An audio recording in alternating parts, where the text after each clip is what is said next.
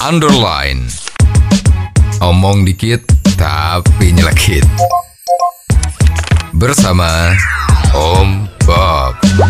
Temukan di channel YouTube Om Bob Indonesia.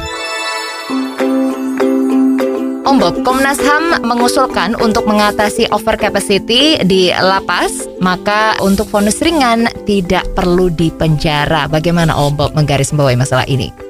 Ya ini pendapatnya Komnas HAM itu ya ada betulnya. Hmm, Iya.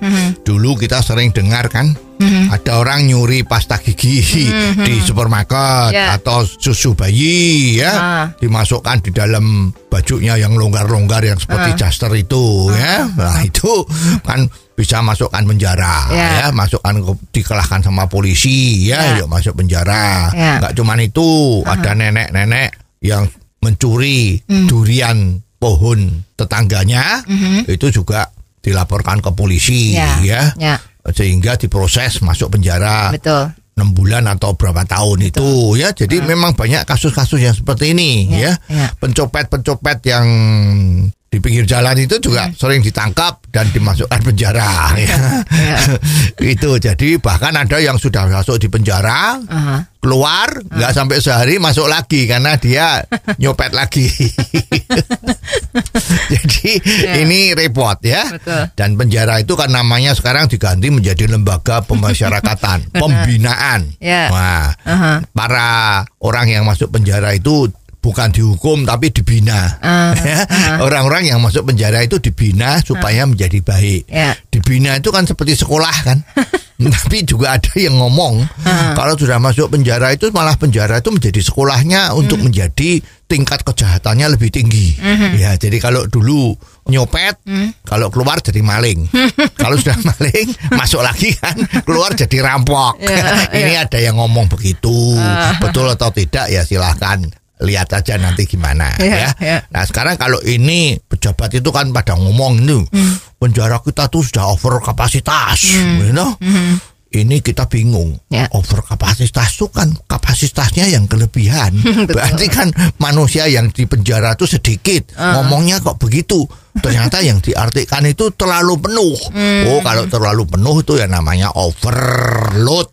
ya, bukan over kapasitas. Ya, ini selalu yang sudah salah tapi diomongkan terus. Jadi Ya, di- ya. orang pada bingung ini aja nih yang betul siapa? Ya. Over kapasitas apa overload? Aha. Ya, kemarin ada media cetak dari Jawa Timur yang terkenal itu dia nulis ini menurut pejabat si A ngomongnya mengatakan over kapasitas tapi Ya. di dalam kurung ditulis sama redaksinya redaksi titik dua overload tapi kok ya ndak terasa ngomong terus over kapasitas terus ya keras lagi merasa tidak salah ya Ya, ya. Nah ini memang ya kalau mau mengurangi itu salah satunya juga begitu. Jadi yang kecil-kecil itu nggak usah masuk penjara, Ya. diselesaikan atau didenda di tempat atau gimana. Ya. Itu sebetulnya koordinasi antara kejaksaan, kehakiman sama polisi itu mestinya udah bisa. Jadi kalau masuk urusan yang kecil ya beresin saja, nggak usah sampai pengadilan.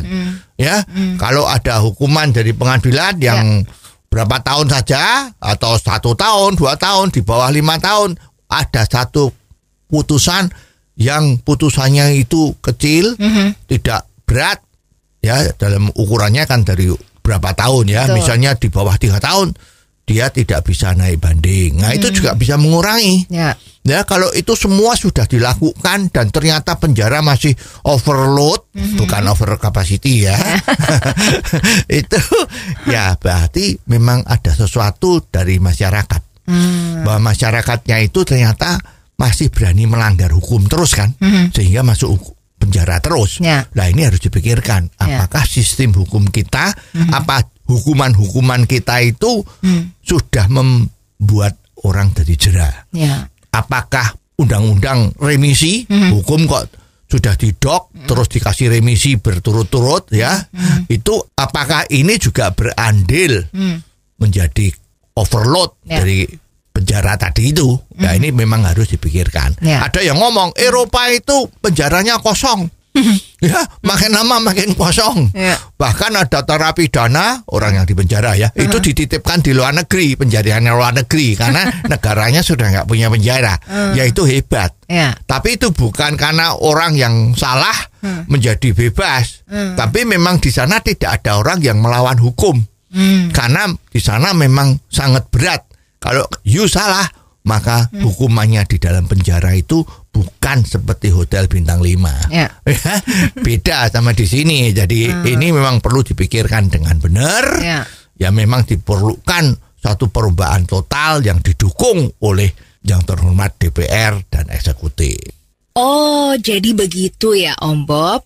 Jelas deh sekarang. Terima kasih Om Bob untuk waktunya. Sampai ketemu lagi di waktu yang akan datang. Underline. Omong dikit tapi nyelekit.